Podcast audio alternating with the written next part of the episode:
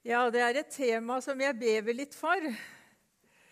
Det skulle vært veldig greit om jeg hadde hatt liksom en uh, liten oppskrift nå, eller en stor oppskrift som gjorde at når dere gikk herfra, så var dere fri fra alt som bandt, og letta og glade.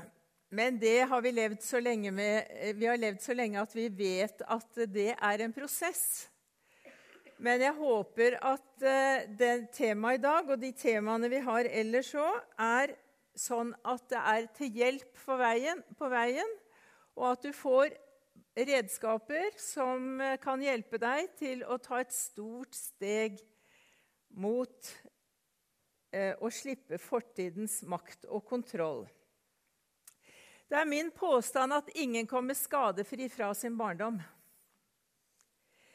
Stort, stor eller liten skade, men vi har alle spor av at noe har såret oss, har krenket oss, har holdt oss nede eller misforstått oss. Eh, eh, situasjoner der vi kjente at eh, Å, det er ikke lett å være meg. Men det er ikke alle som har konsekvenser av det. Kjenner, det er ikke alle som kjenner at de bærer på veldig tunge byrder som hemmer livsfrimodigheten det kan være veldig forskjellig. Og når vi snakker om det å bli kvitt eh, fortidens sår og, og, og, bindinger, så er det viktig for meg å si at de fleste av oss har en veldig god bagasje. Og at vi har veldig mye godt, og i vår oppvekst så har vi fått en livskompetanse som gjør at vi klarer oss rimelig godt i livet. For vi kommer aldri vekk fra vår historie på godt og vondt. Og noen ganger på noen av de sidene i den boka jeg har lest, og dette handler om kapittel 3, 4 og 5, faktisk, kan få litt forståelsen av at du skal liksom bli kvitt alt som har med, med din oppvekst å gjøre, og så skal du knytte deg til på en måte Jesu familie. Og Det tror jeg ikke er meninga i boka. Det er i hvert fall ikke min mening. Vi er alle del av vår historie og mye å takke for, og noe som vi kan slite med. Eh, vi, går, vi, lever jo et generasjonsperspektiv. Og det er en som har sagt det sånn vi kan sikte mot de samme stjernene, men vi behøver ikke nødvendigvis gå den samme veien. Eller vi går ikke den samme veien. Sånn er det. Eh, og så vil jeg også si at når det gjelder å bli kvitt eh, ting som binder, og bagasjen som tynger, så tror jeg ikke bare på et åndelig perspektiv, men jeg tror vi er en helhet. Den Gud som kaller oss til tro, er den samme som har skapt oss. Og han åpner vårt vesens porter i mange retninger, og vi kan finne hjelp på mange måter. Og det er også folk som ikke tror på Gud, som får hjelp til å bli kvitt det som binder. Det har jeg lyst til å si. Men under det, da, så tror jeg Gud som skaper, har lagt kunnskap om dette ned i hjelpemannskapet, for å tenke på den kista her, da. Så jeg tenker at alt er av Gud.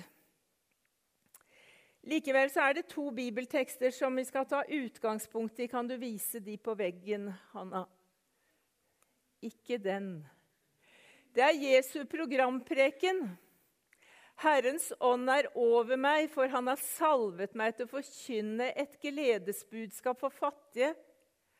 Han har sendt meg for å kunngjøre at fanger skal få frihet, og blinde få syn igjen for å sette undertrykte fri og rope ut et nådens år fra Herren. Og så tror jeg det går, ligger en frihetens kraft i eksistensen og i tilværelsen som Jesus kom med da han kom til jord. Han sonet menneskehetens synd, og han overvant døden, og han overvant ondskapen.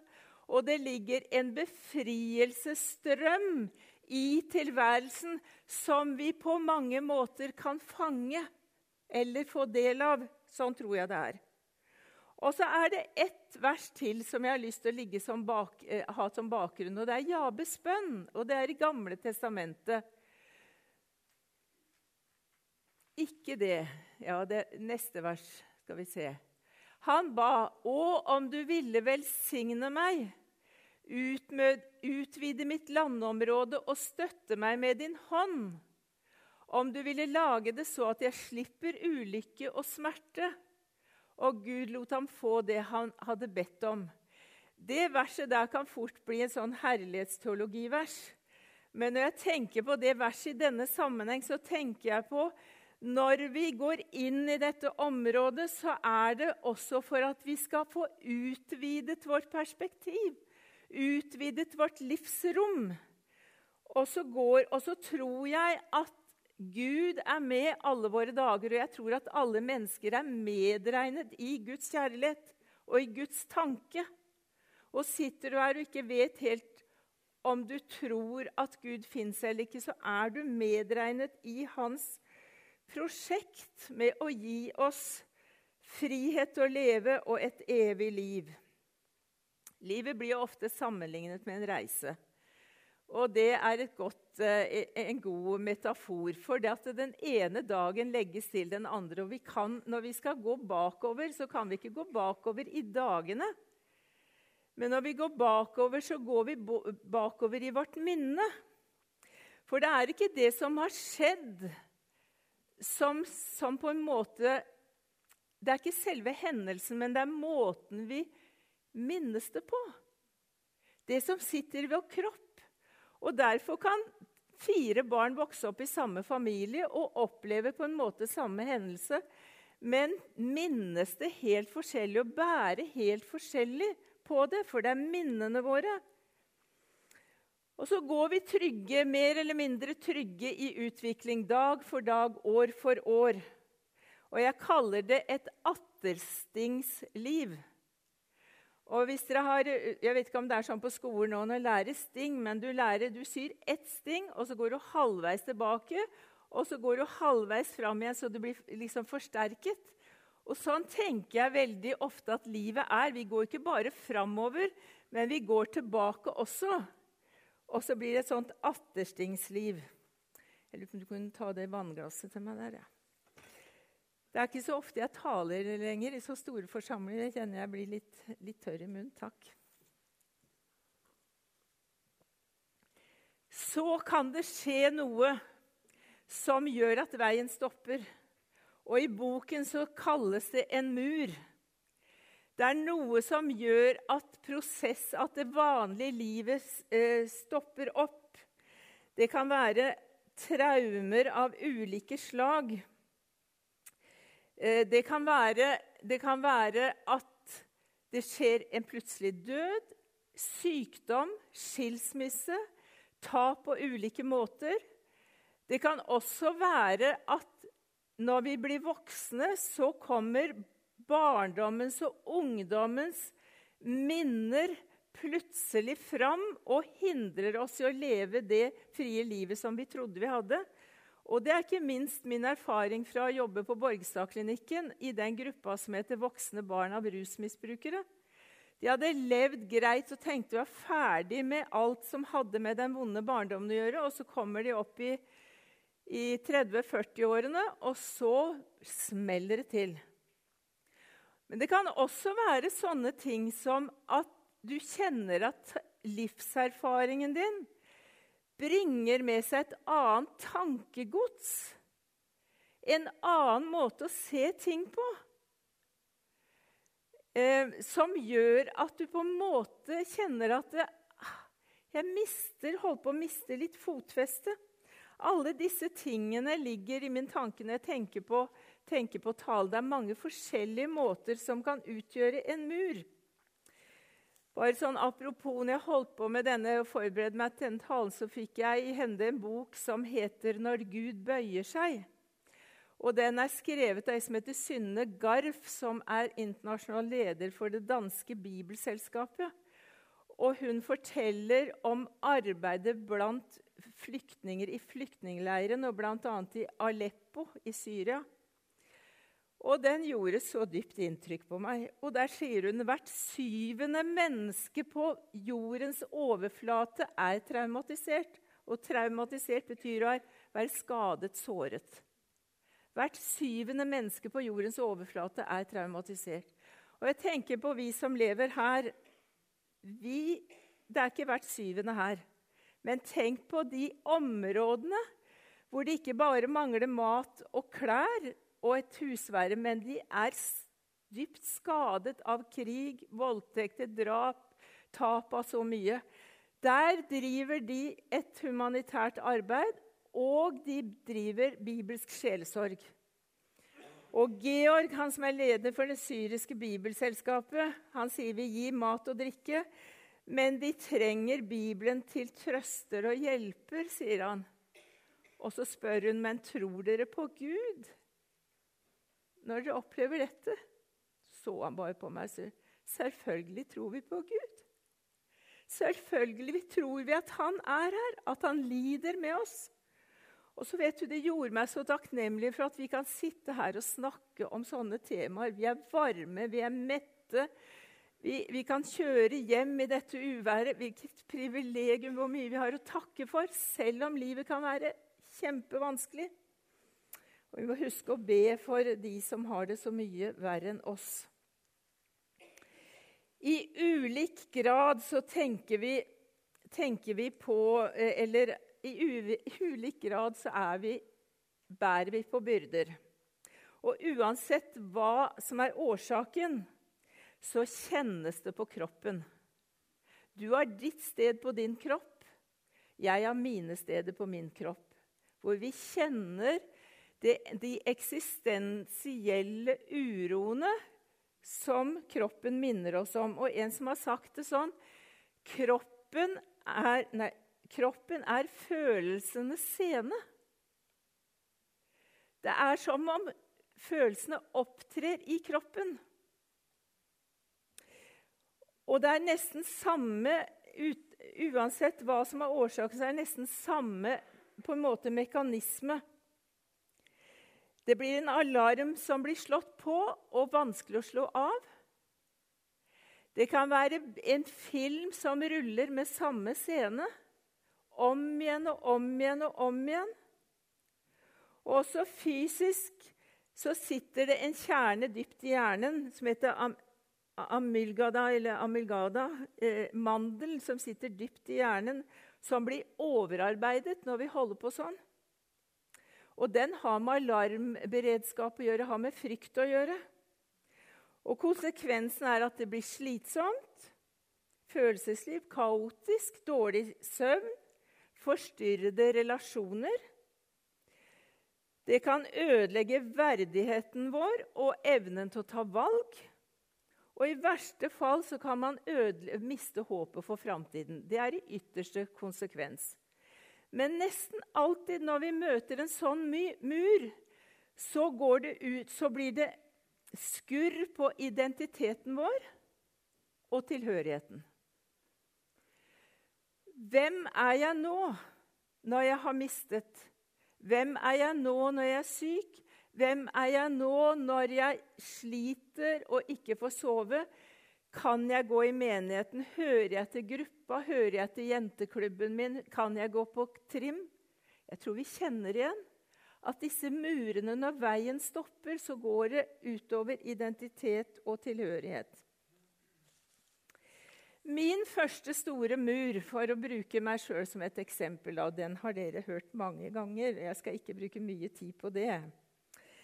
Men dere vet jeg vokste opp i, i, menigheten her og var aktiv i alle sammenheng som det gikk an. Og jeg fikk mye positiv respons for det, og det var veldig meningsfullt å være en del av menighetens arbeid. Og jeg var frimodig. Gud eh, ga meg frimodighet til å vitne guttene, og jeg sang Jeg tok en gitar og sang da var jeg 15 år. Da sang jeg 'Synd og mørke, min sjel var bundet'. Jeg tenkte 'ingen meg frelse kan'. Jeg var 15 år. Jeg kan le av det nå. Men det var dypt alvorlig for meg. Jeg kjente kaldt å tjene Gud. Så gifta jeg meg med Asbjørn, og Asbjørn var ute og frelste eh, mennesker andre steder. Og jeg var aleine med to gutter som var urolig.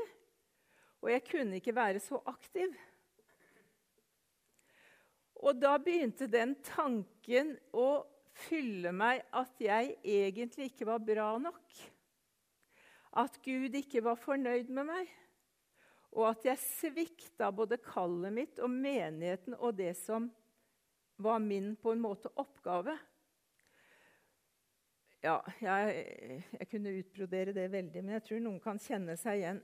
En, en mur som reiste seg fordi jeg trodde at jeg måtte være aktiv i Guds rike for at Gud skulle være fornøyd.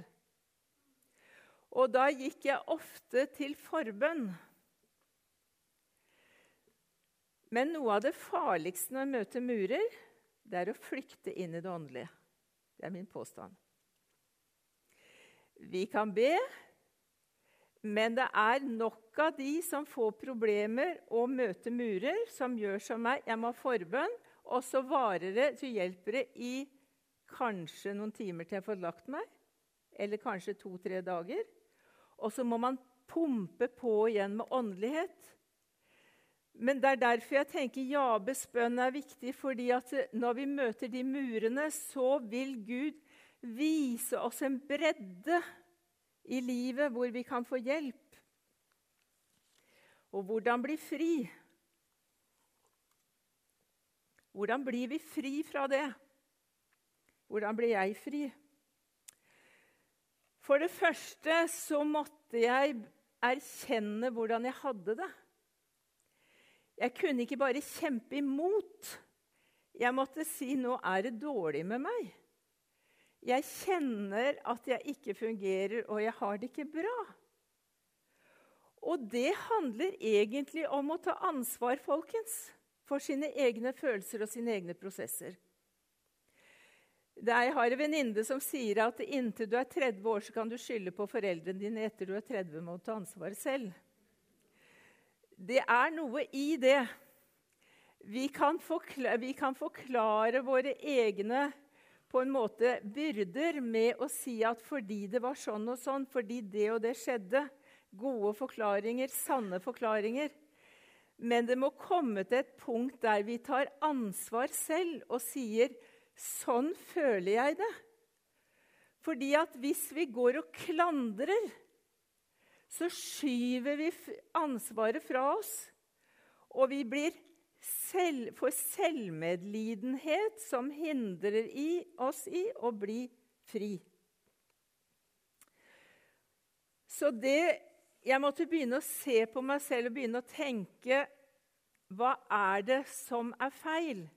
Og så begynte jeg å høre Bibelen, lese Bibelen på en annen måte. Og så begynte jeg å høre forkynnelse på en annen måte at Gud elsker betingelsesløst.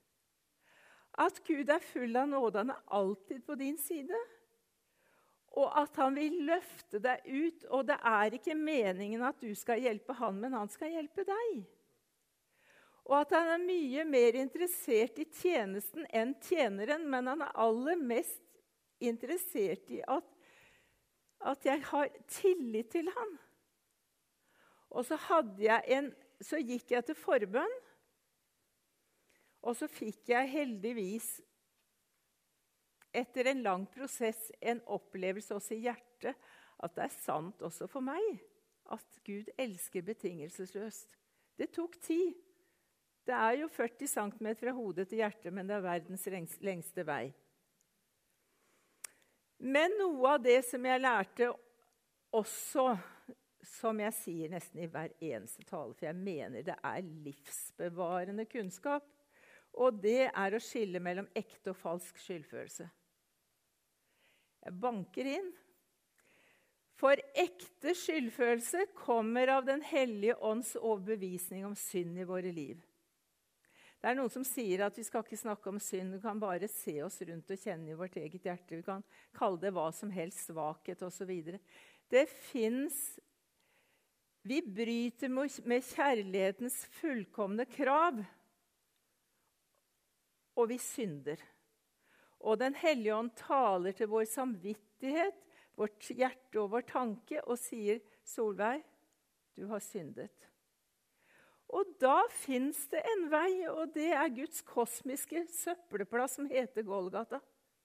Og der kan vi gå med vår synd og legge det av oss og skvære opp og rydde så godt vi kan. Og så sier Bibelen at Gud kommer det aldri mer i hu. Det er kastet vekk. Det er borte. Og Jeg gikk til forbønn mange ganger. Jeg bekjente synder.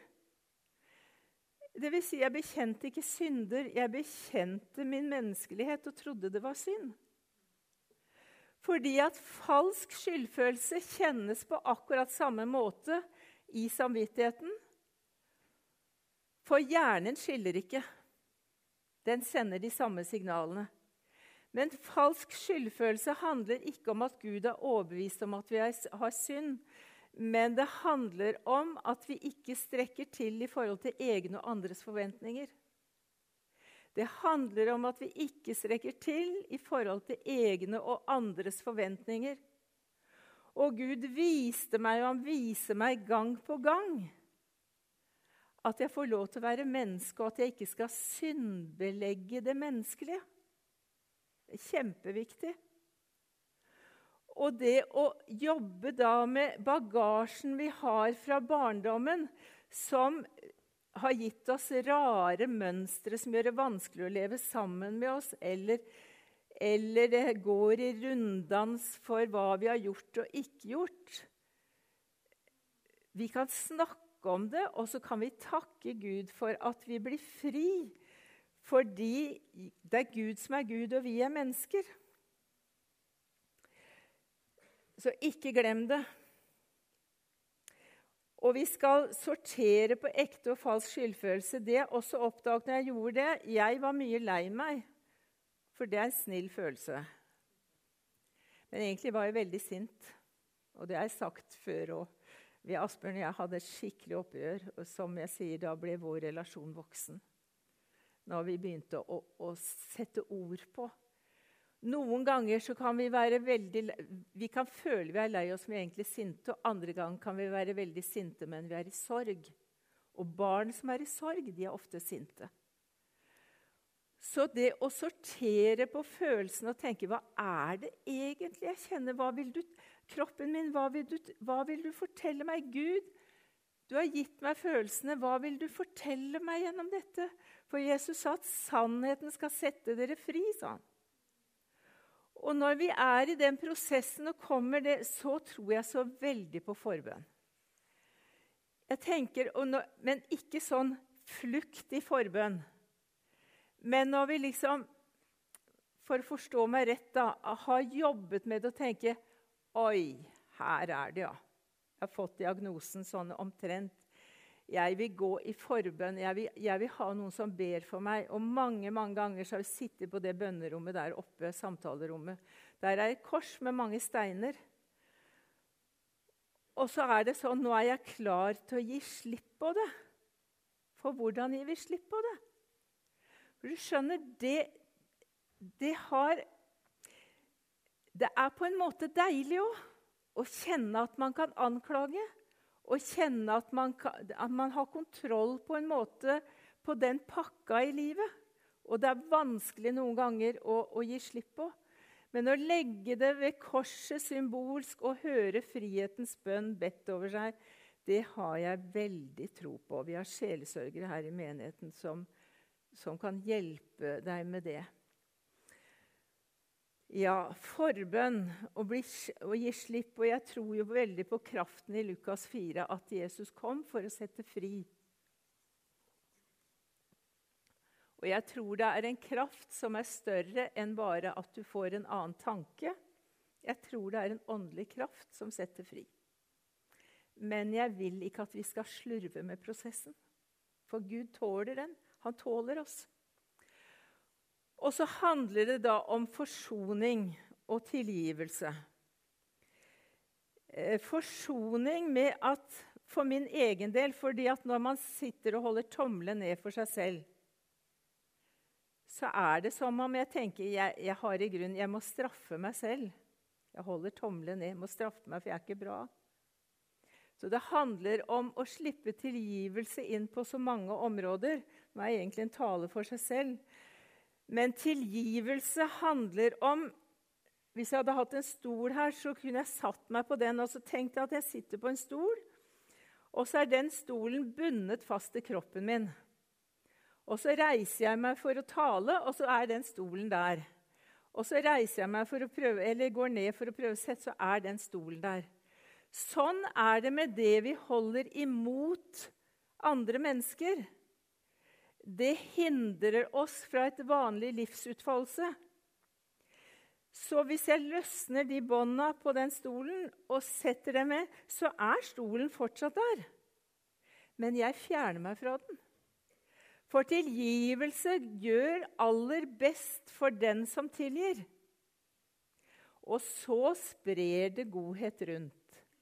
Men tilgivelse er godt for deg, og at du ikke holder imot din, de som, var, som har påført deg disse plagene, at ikke du holder dem ansvarlige, men tar ansvar selv og sier 'jeg vil tilgi', 'jeg vil snu meg vekk'.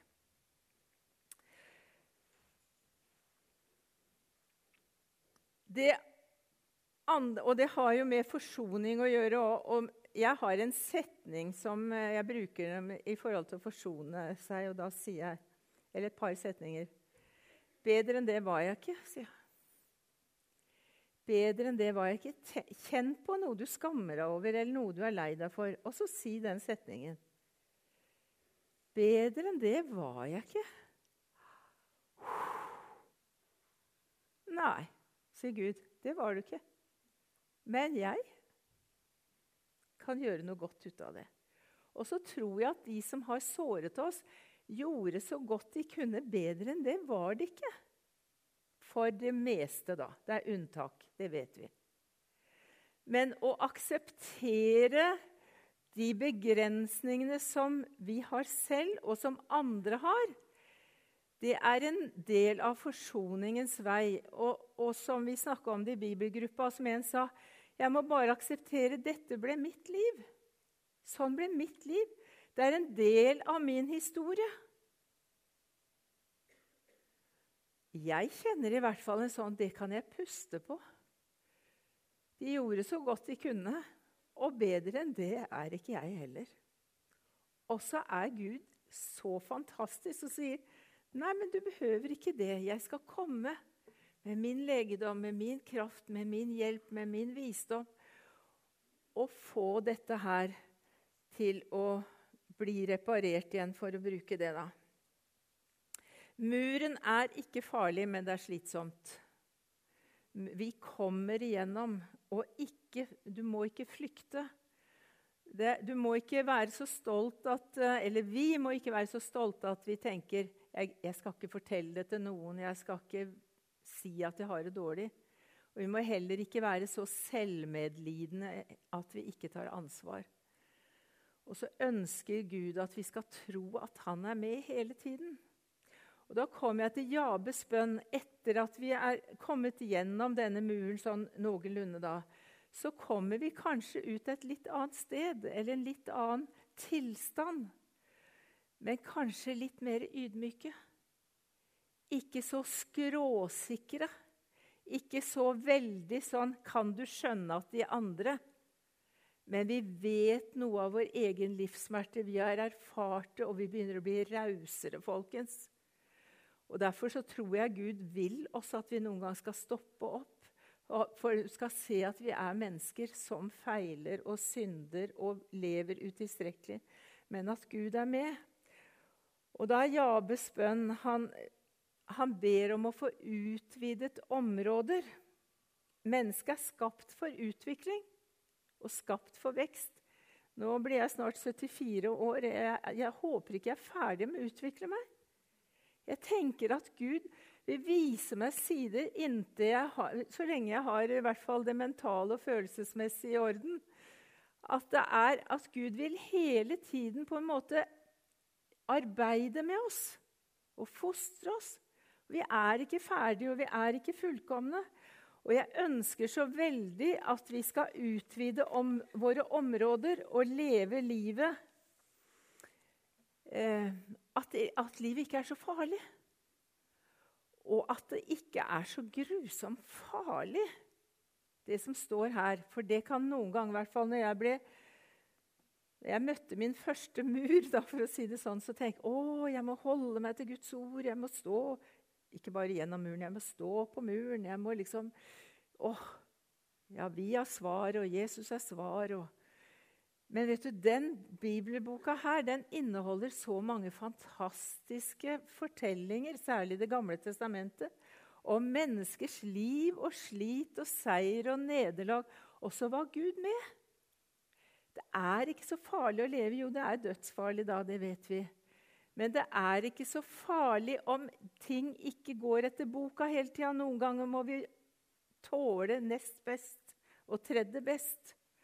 Og så er Gud der med sin kraft og sin livsvisdom til å på en måte favne oss. Han er i Aleppo i Syria. Han er alfa og omega. Han går dypere enn noe menneske kan komme. Han går høyere enn noe menneske kan nå. Og så er han opptatt av ditt liv og din lille bagasje, eller tunge bagasje, eller store bagasje. Og så vil han at du skal ha tillit til at du kan ta imot livet sånn som det kommer. Og han er med. Og så får du jobbe deg gjennom og leve deg gjennom uten frykt. Fordi at Gud går ikke fra deg. Han elsker deg med en ubetinget kjærlighet. Jeg skulle ønske jeg kunne skrive det inni hjertet ditt. Han slipper deg ikke og forlater deg ikke, og heller ikke meg. Jeg syns at jeg er i en mur nå for tida. Jeg syns det er vanskelig. I forhold til tankegods, i forhold til Bibelen og i forhold til hvordan skal vi hvordan skal vi leve for at vi blir troverdige, og ikke det blir polarisering i det politiske liv og i kulturliv? Jeg syns det er kjempevanskelig. Jeg føler at jeg er en sånn mur på en måte hvor ikke veien bare går rett fram. Men det er ikke så farlig, folkens. Gud er med oss. Han vil lede oss, han vil hjelpe oss, hvis vi ikke blir sånn Ja, men Sånn skal vi ikke være. Vi vet at livet er mangfoldig. Ja, Herre, jeg takker deg for uh, det rare livet du har gitt oss. Og det mangfoldige livet og det spennende livet og alle nervetråder og alle følelser og alle tankespinninger. Og jeg tror at du gleder deg veldig over oss. Og så vet du at vi fra tid til annen og kanskje i lang tid sliter. Men da er du der, og så hjelper du oss, og så finner du måter å vise deg for oss på. Vi ber om at det skal være en eh, en frigjøringskraft i oss og i vårt fellesskap. Og en raushet og en akseptasjon til å vandre sammen. Og en tro på at du er med i det hele. Gi oss frihet, gi oss legedom, og utvid om våre områder. Sett teltpluggene litt lenger ut, Herre. Du vandret selv veldig trygt overalt i verden, og hjelp oss å gjøre det, vi òg ber om at du skal ta hånd om oss på best mulig måte. I Jesu navn. Amen.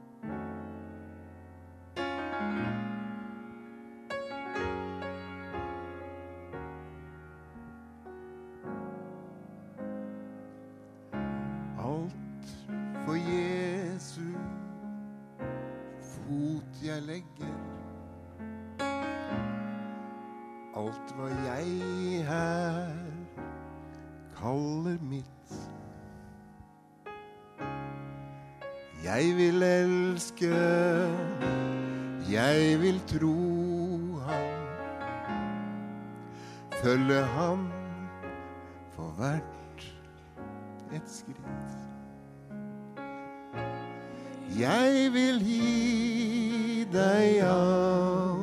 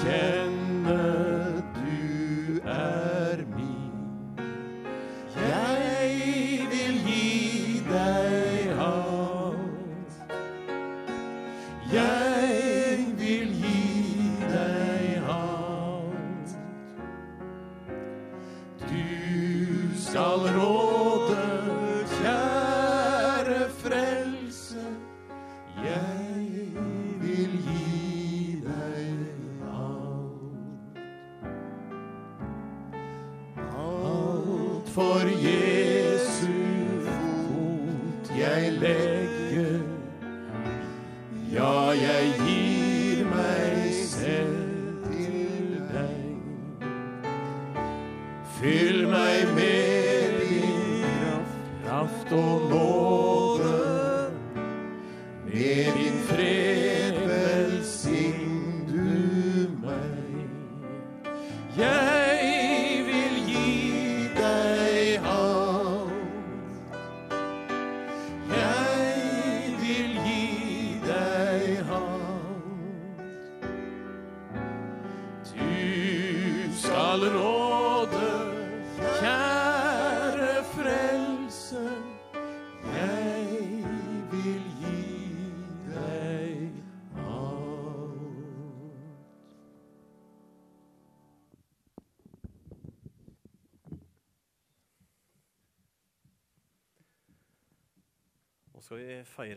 Feire nattvær sammen.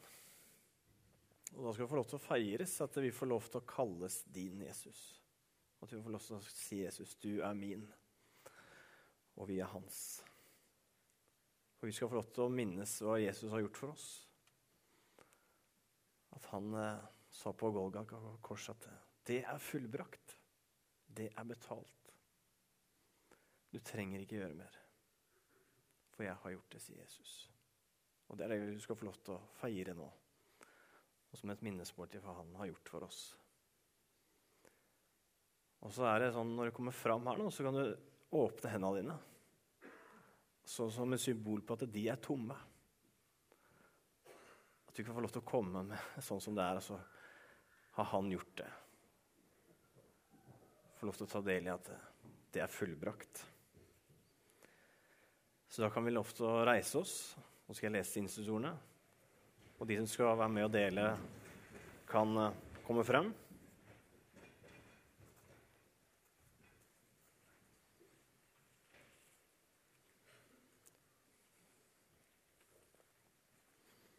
Da står det For jeg har mottatt fra Herren det jeg også har gitt videre til dere. I natt da Herren Jesus ble forrådt, tok han et brød, takket, brøt det og sa:" Dette er min kropp, som er for dere. Gjør dette til minne om meg. På samme måte tok han begeret etter måltidet og sa:" Dette begeret er den nye pakt i mitt blod. Hver gang dere drikker av det, gjør det til minne om meg. For hver gang dere spiser av dette brødet, drikker av begeret, forkynner dere Herrens død helt til Han kommer. Takk, Jesus, for at du, eh, du gikk veien for oss, Herre. Takk for at ditt blod, Herre, det renser oss fra all synd, Herre. Og at vi får lov til å være himmelen verdig. Takk for din godhet, og la oss få kjenne det dypt i hjertet. Skriv det i hjertet vårt nå, Jesus, at du elsker oss, Herre, og at det er fullbrakt. Ber om det. I Jesu navn.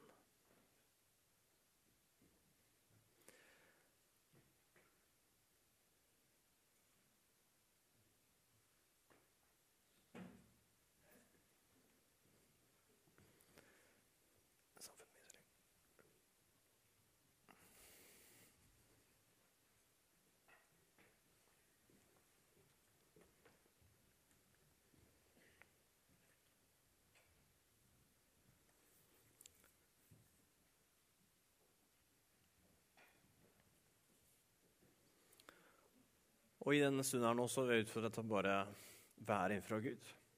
Og hvis du vil tenne et lys, så kan du det. Skriv en bønnelapp som uh, putter opp i bønnekrukka, så vil vi be for de lappene etterpå, anonymt.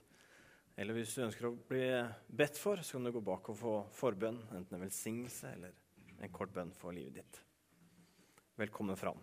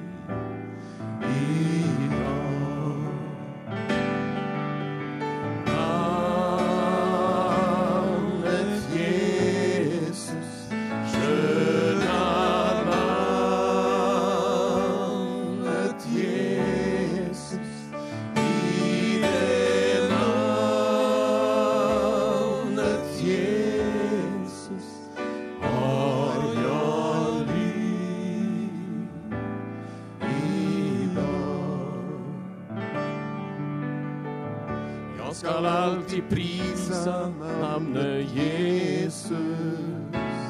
I det namnet fins befrielse från synd.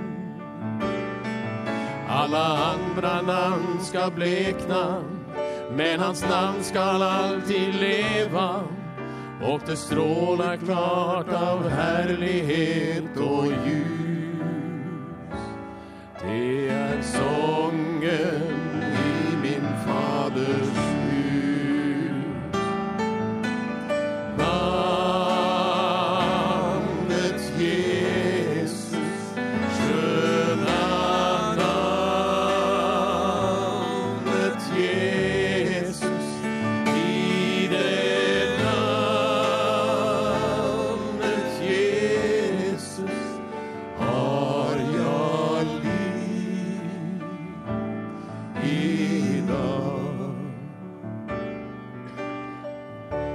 skal porten öppnas till Guds himmel. Jag är hemma och jag ser hans ansikte. Det var han som bar det namnet och han gav det namnet skönhet när han vandrade runt oss i ödmjukhet.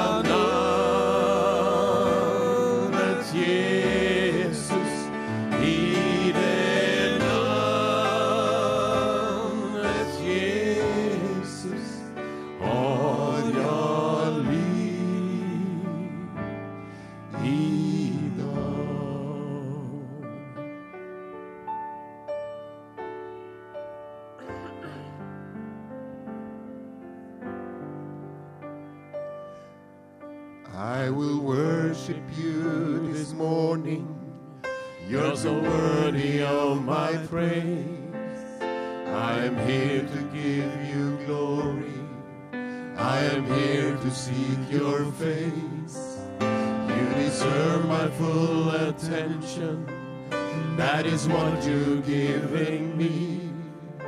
I will worship you this morning, honestly.